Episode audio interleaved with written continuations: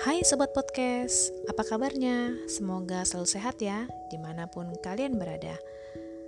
Hmm, kali ini jumpa lagi dengan Mila, dan Mila akan menceritakan atau membagikan tentang rindu. Rindu pastilah rasa ini membuat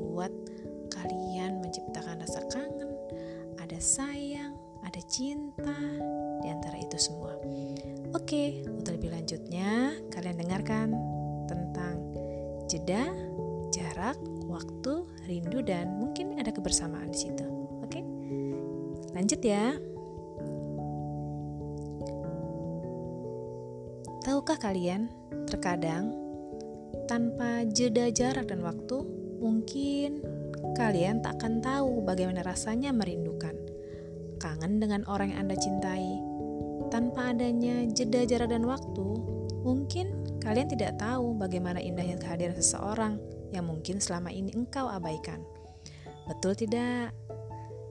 Dengan adanya jeda jarak dan waktu, Anda akan mengenal rasanya kehilangan. Apalagi ketika sesuatu itu tidak akan lagi mampu kembali. Misalnya saja orang tua kita yang kita sangat cintai meninggal dunia. Ataupun orang yang kita cintai pergi untuk selama-lamanya. Pasti rasa rindu itu, rasa sedih akan semakin berlipat-lipat. Jeda bukanlah soal jarak dan waktu, bukan jarak jauh atau dekat. Ini tentang menghargai atau melupakan.